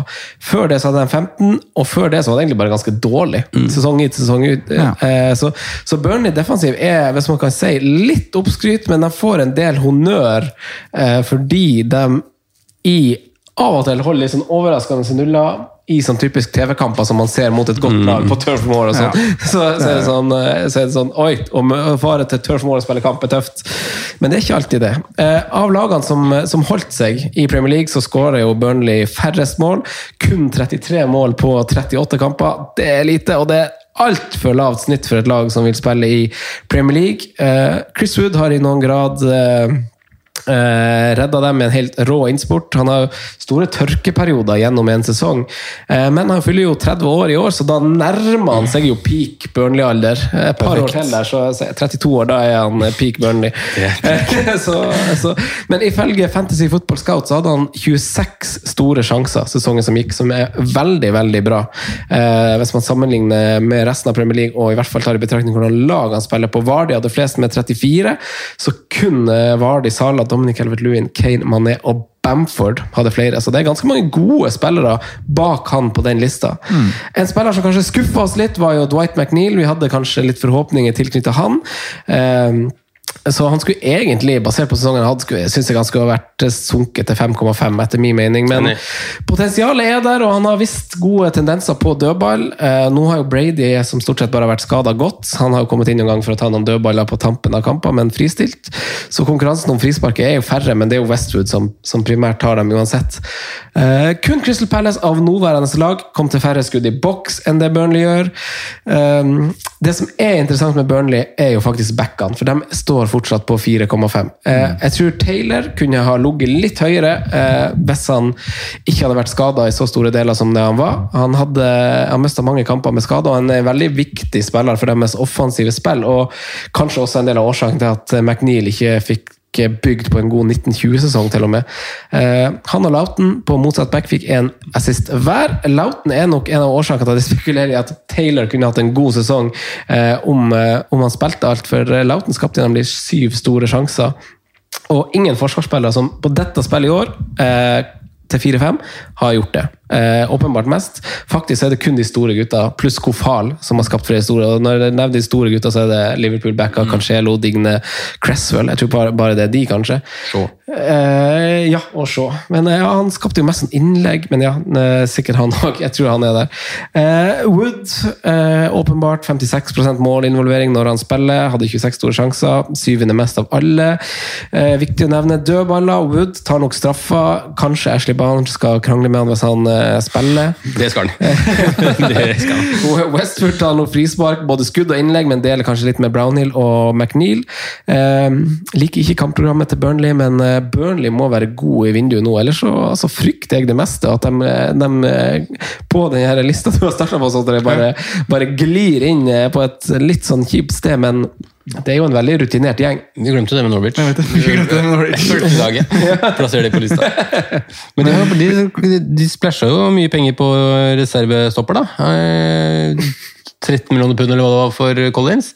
Ja, riktig, gjorde de det? Det er jo, Betalte de så mye, ja. det er jo mye til å være en når de to beste spillerne dine er stopperne dine. Jeg syns det er så rart. For, Det er altså, de, de, signert, de signer, skal sikkert signere en, en keeper også nå. Ja, De linkes både til ja. Pavlenka, de linkes til han uh, Ven Ven Hennessy. Ja, ikke sant? De, har, de henter alltid en keeper. Det er liksom, er på free transfer, han. Ja, han er på free transfer. han. Og så, så henter de sånne spillere som bare sånn altså Vidra òg, som kom fra en god sesong i championship, eh, som jo er en sånn trussel når han spiller, men sånn, han får jo ikke starte kamper. Ingen får starte kamper i Burnley. Ingen får bare liksom, Jeg skjønner ikke hvorfor spillere fortsatt går gå dit. Rasistisk by hvor du ikke får spille fotball. Worst case, det. er bare tøys! Ja. Har dere innspill på Burnley? Hvis ikke, Sondre, så kan du ta, har... ta Brighton med underliggende tallkongene i sør. Egentlig ikke så mye å føye til på Burnley, altså. Nei, da må vi plassere Norwich først, da. Ja, det må vi. Norwich, hvor skal de inn? Over, mellom eller under, er det det? Ja, Over, mellom eller under Brentford. Over. Watford. Jeg har de mellom. Jeg har de mellom en gang. Blir rett og slett Det blir mellom. to mot én. Ja, ja. Det her er lettbeint, da. Lettbeint i juli. Ja, veldig fint. Uh, Burnley, da. Meld deg fra den nye tabellen mellom eh, Norwich og Brentford. Ja, jeg støtter den. Nå er vi på et voldsomt Brentford-kjør her. The hype train is going! Everybody got your tickets. De har allerede klart seg, de nå. ja. eh, Sondre, Ja, de har klart seg, de, faktisk. Potter og, og underliggende tallgjengen på, på sørkysten. Ja, ja, ja. Seagulls. Hva, hva, what say you? Det det her, her har vi jo spillere i lagene våre. Ja, Allerede. det har vi faktisk. Eh, så får vi se hvor lenge de spiller i, i Brighton. Eh, men det er jo et av de lagene som jeg gleder meg mest til å følge i år, egentlig. Og, og Simen han nevnte det jo her innledningsvis at det er et av lagene vi kanskje er litt overraska over at er i den bolken her. De burde gjort det bedre. Eh, og som du sier, underliggende tallaget. De hadde noen vanvittige stats i fjor, men klarte ikke å sette det ut i match, holdt jeg på å si. Klarte ikke å få det til å funke. Eh, De hadde tredje beste av alle lag på store sjanser imot. Kun City og Chelsea var bedre enn de defensivt. De hadde tredje beste av alle på skuddforsøk imot i boks. Kun City og Chelsea var foran der. De hadde tredje lavest expected goals conceded. Eh, Kun City og Chelsea var foran også der. Eh, City de slapp inn 32, Chelsea slapp inn 36, Brighton slapp inn 46. Uh, Sjuendeplass på baklengsstatistikken burde vært i toppen, men uh, underliggende tall er ikke alt, og du må du må kanskje ha litt mer flyt da enn hva Brighton hadde. Vi husker tidlig i sesongen i fjor at de hadde mye stang ut både offensivt og defensivt. Uh, I tillegg så har de faktisk en keeper som ikke De bytta jo keeper. Matt Ryan starta vel sesongen i fjor, om jeg ikke husker helt feil. Eh, og så Sanchez inn etter kanskje åtte-ni-ti kamper. Eh, Sanchez har ikke sånn all verdens med redninger, eh, og det henger jo sammen med selvfølgelig at de har ikke sluppet det så mye, men han redder kanskje litt for lite av det som kommer. Eh, Jeg tror det var 60 redninger jeg, totalt på han, over de kampene han spilte.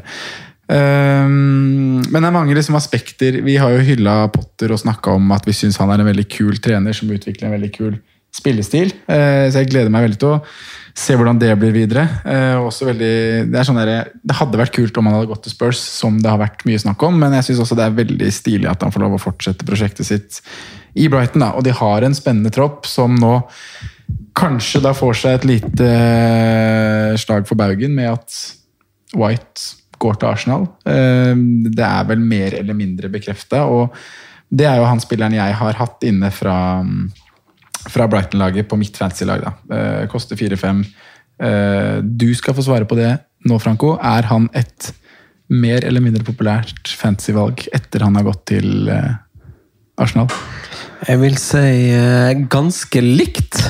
Eh, jeg så folk som skrev sånn eh, han blir jo dårligere hvis han går til Arsenal, for det er jo, det er jo fake news. For eh, Arsenal slapp inn tredje færrest mål sesongen som gikk. Eh, men så ser du, ser de underliggende tallene til Brighton og sånn, men jeg holder egentlig sånn Han er like godt valg uavhengig av klubb, egentlig. Ja. Det er klart bedre valg i Arsenal. Ja, Det er ikke noe, ja, ja, ja. Ikke noe å tenke på. Ja, at han er et bedre valg. Ja, ja, ja. Ja, Kanskje marginalt, så er jeg enig. Han kommer til å styrke laget der enormt. Ja, jeg elsker den signeringa som, som supporter av Arsenal. Dritfornøyd. Ja, han passer perfekt inn i, i laget og er er en det. ballspillende og god stopper.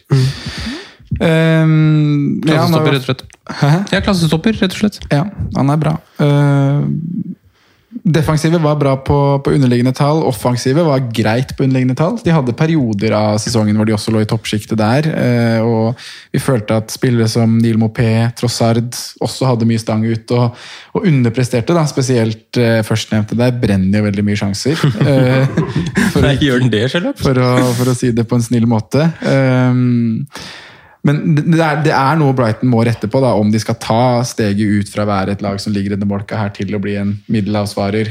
Kanskje europahavsvarer etter hvert også. Vi, det, vi vil jo tro at de har ambisjoner om det. Men det offensive må, må bedres. Det var fire lag som hadde færre Europa med seire. Brighton, Bright. Europa med Brighton, ja. Jeg tenker, Er det ikke noe Europe Conference League, er det ikke det åttendeplass? Jo da, det, Det er ikke så langt opp. Nei, det er faktisk ikke det. Det er én god sesong, da. Det er det. Ja, det er jo det. Men det er fire lag da, som, hadde, som hadde under uh, ti seire. Uh, og det var de tre lagene som rykka ned, og så var det Brighton. Så de omsetter ikke de her underliggende tallene i poeng. Eh, så der må endringen rett og slett skje for Brighton sin del. Troppen gjort noen eh, Det er noen spillere ut der som var helt greit å bli kvitt. Ryan har endelig fått seg en overgang bort. Bernardo på bekken har gått til Salzburg. Prepper har gått tilbake til Nederland. Husker ikke Det er jo faktisk et tap, da. Ja, det er et tap, men jeg husker ikke om det var Ajax eller PSV han har gått til. Det er en av de to klubbene. PSV. Ikke relevant, egentlig. Eh, men det er et tap, men de har fått en PSV. spennende signering inn der, da, som kanskje er eh, den eneste signeringen de har gjort som er noe å snakke om så langt. Enok MVPU. Eh, Zambis landslagsspiller som kommer fra Salzburg. Eh, spilt over 80 kamper der, skåret 10 mål, 8 assist. Er en god midtbanespiller. Eh, men Potter har også sagt at han har, han har veldig mange kvaliteter som han han kan bruke den i flere posisjoner, da, men det er vel sentralt i banen han først og fremst skal spille. Jeg tipper han er tiltenkt som en erstatter for Bizuma, sånn egentlig, men han er en mer offensiv og han er en enorm kraftplugg. da. Mm. Enorm fysikk, enorm løpskap løpskapasitet. Ja. Eh, på det tidspunktet som denne episoden er ute, kan jo hende Bizuma har gått òg, men enn så lenge er jo han faktisk i klubben. Og de to sammen sentralt, da begynner vi å snakke en eh, veldig god og sterk midtbane. altså. Eh, hvis jeg tar litt tropp, da, ledd for ledd. Sanchez i mål. kanskje den keeperen jeg har sett på flest lag. Koster 4-5. Eh, får vi se da hvor mye det har å si. Nå må jo Brighton ha inn en stopper. Eh, de har Dunk, Webster, White, som er liksom de tre bak. Dunk har vel samme pris som i fjor. Han kosta vel fem i fjor også, om jeg ikke husker helt feil. Eh, fem skåringer. eh, forsvarer prisen sin greit. Er den, er den forsvarsspilleren med flest avslutninger i boks av alle forsvarere. Bare bak Harry Maguire, så det er de to på topp. Så Dunk koster fem, det syns jeg på en måte er helt ok, selv om det er et lag som ikke har sånn all verdens av clean sheets. 130 poeng, så det er helt fair. Ja, jeg syns også det. Uh, Webster White priset til 4,5. Uh, men det må jo mest sannsynlig hentes inn en stopper til her, da, for Brighton sin del. Uh, Veltman kan jo spille stopper, da, Ja, men tenker- da må du på en måte hente erstatter eller reserve på bekken. Ja, så det må et eller annet inn. Ja. Det er jo sånn det, Men det er jo Lamptey som skal spille back, Ja. egentlig. Ja, da, da, da, da kan Veltmann Veltman spille stopper. Ja. Jo, jo, men du må jo ha ett Han var vel stopper i Ajax, var han ikke det? Jo, men du må ha backup ett sted, da. Ja, det må du også. Jeg Så jeg syns egentlig den lagdelen der Duffy Ja, de har Duffy til, til 4-0 som ligger og vaker i, i så det Skal gå går jo selvfølgelig an å Skal de bytte på å spille trebecks og firebecks, så syns jeg nesten de bør ha to mann til, det, det leddet der. Ja, Jeg er helt tenker på Duffy også, som vi på en måte var inne på.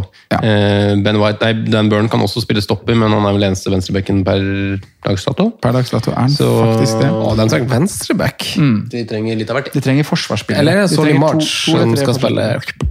Ja. Han var wingback-system, så kan Ja. de jo bruke han på venstre vingbekk. Gutten din, selvfølgelig. Sondre.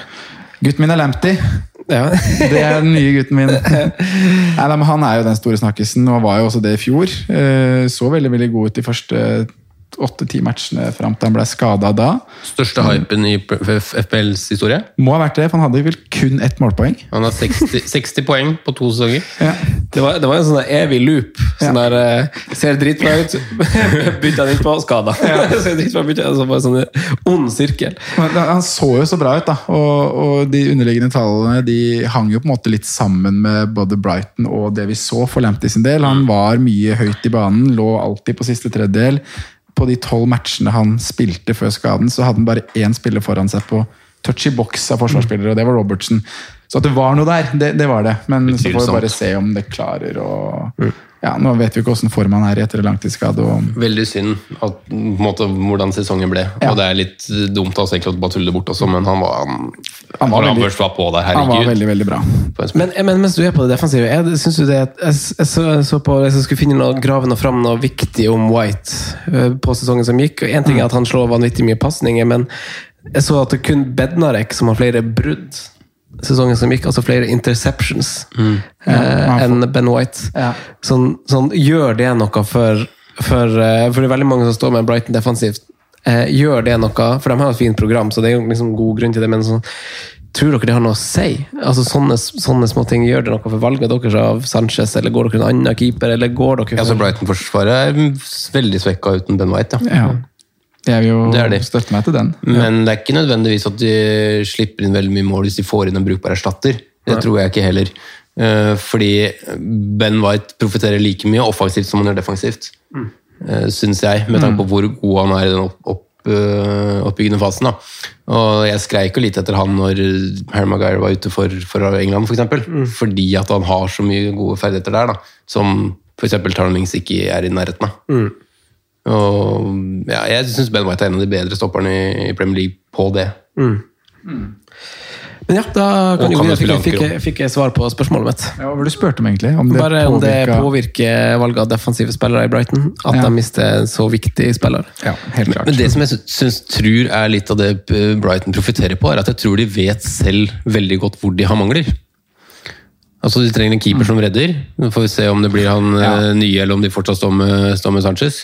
Eh, jeg også syns Sanchez er en, litt type. Jeg syns ikke han er så god. Du kan sikkert mer om om keepere. det er, jo, det er jo litt artig at den spanske troppen velger han for eksempel, foran Paul Lopez. Og det er jo ganske mange andre Men- spanske keepere som har større navn og mer er åpenbart en god keeper. Altså, det er jo altså. mye rart da i den spanske troppen. De, de gjorde et bra mesterskap for, for all del, men altså, de har ikke med seg Sergio Ramos.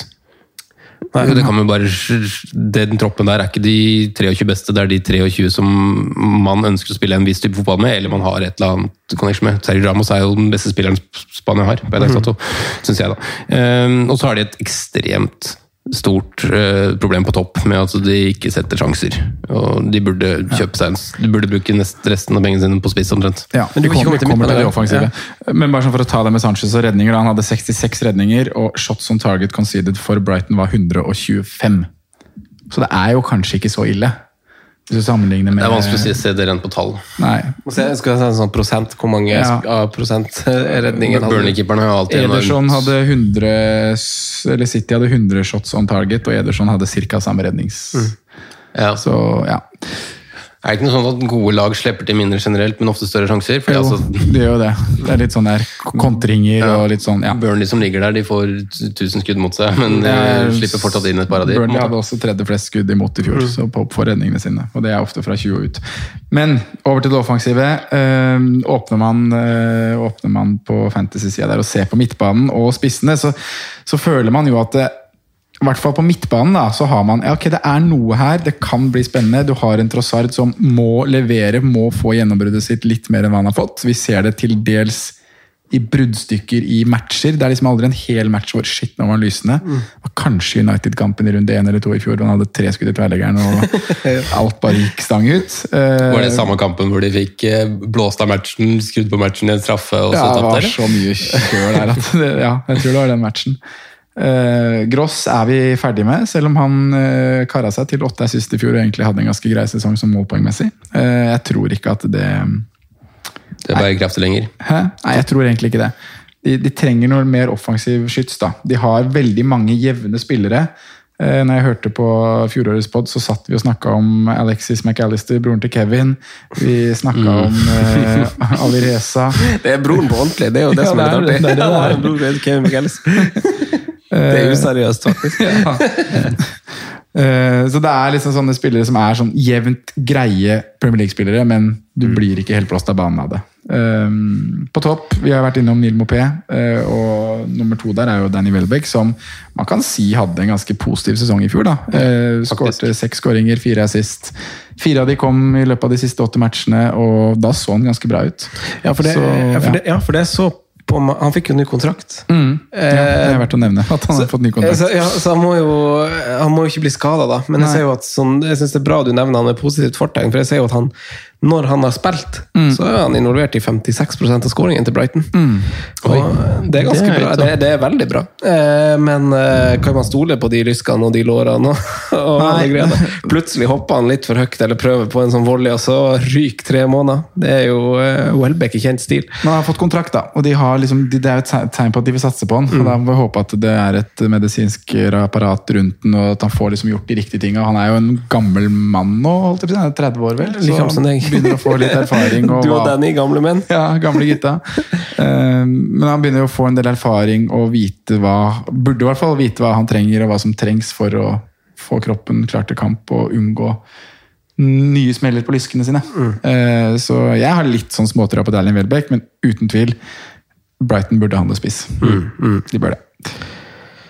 Det burde de gjøre.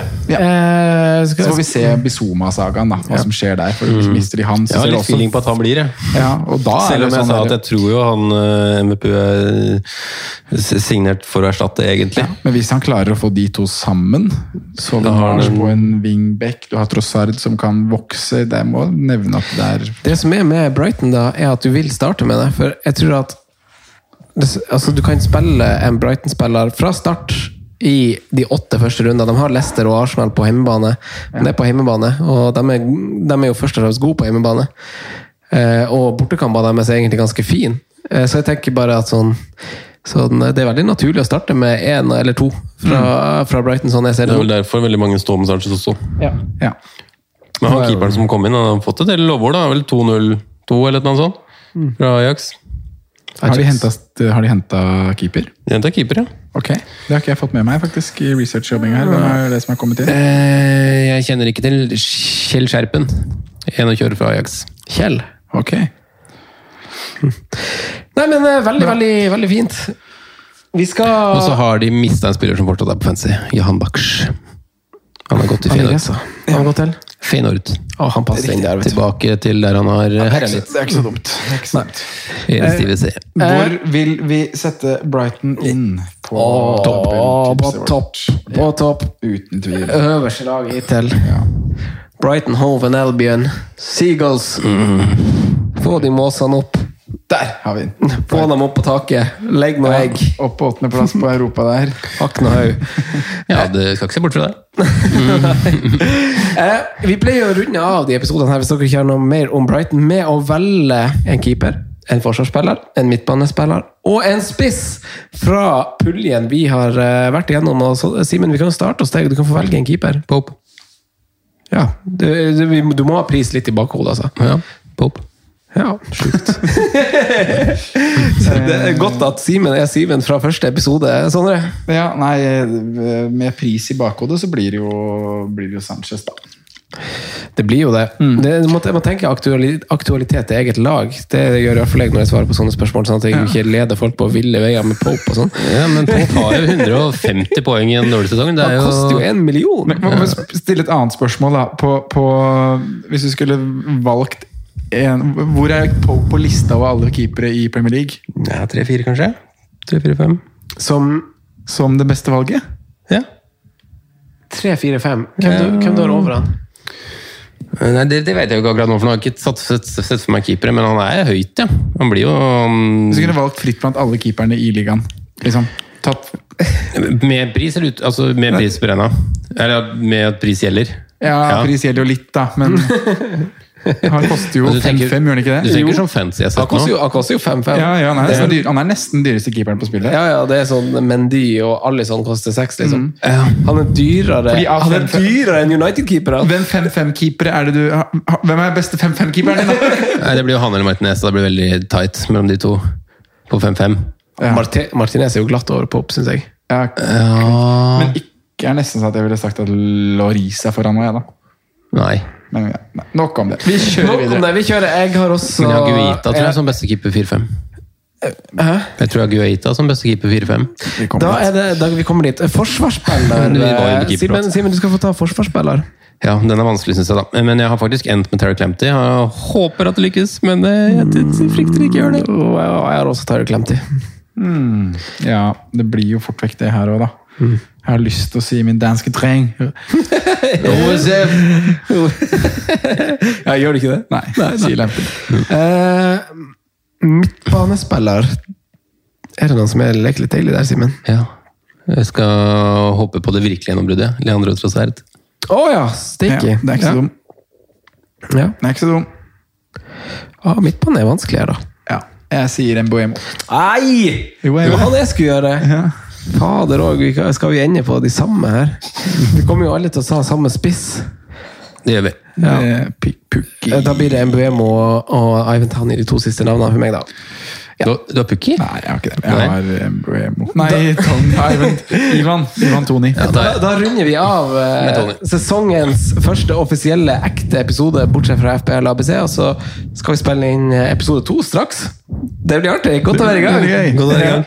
Takk for i dag. Takk for i dag. Adios. Good evening. Straight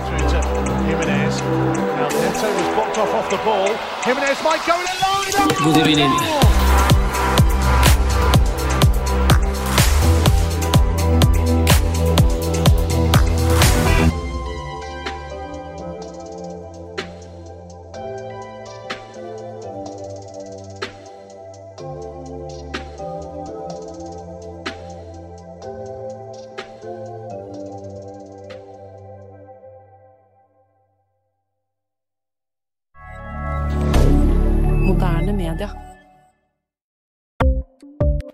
Ukens annonsør er Folio, en smartere banktjeneste for deg som har en egen bedrift eller ønsker å starte for deg selv.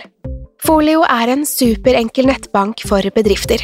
Som kunde i Folio får du en bedriftskonto med et bedriftskort og app. I denne appen er det smarte løsninger som forenkler regnskapet ditt, uansett om du har en liten bedrift eller et enkeltpersonsforetak. Folio er både intuitivt og brukervennlig, og er laget med et enkelt språk. I tillegg tilbyr de forutsigbare priser og ingen skjulte gebyrer. Skulle du likevel trenge det, så kan du snakke med deres raske og hyggelige kundeservice, og der får du prate med en faktisk person og ikke en chatbot. Folio er med andre ord både enklere og koseligere enn banken. Over 10 000 bedrifter har allerede valgt Folio som sin banktjeneste, så besøk folio.no og se hvordan Folio kan forenkle din hverdag også. Har du et enkeltpersonforetak eller en liten bedrift? Da er du sikkert lei av å høre meg snakke om hvor enkelt det er med kvitteringer og bilag i fiken, så vi eh, gir oss her, vi. Fordi vi liker enkelt. Fiken superenkelt regnskap.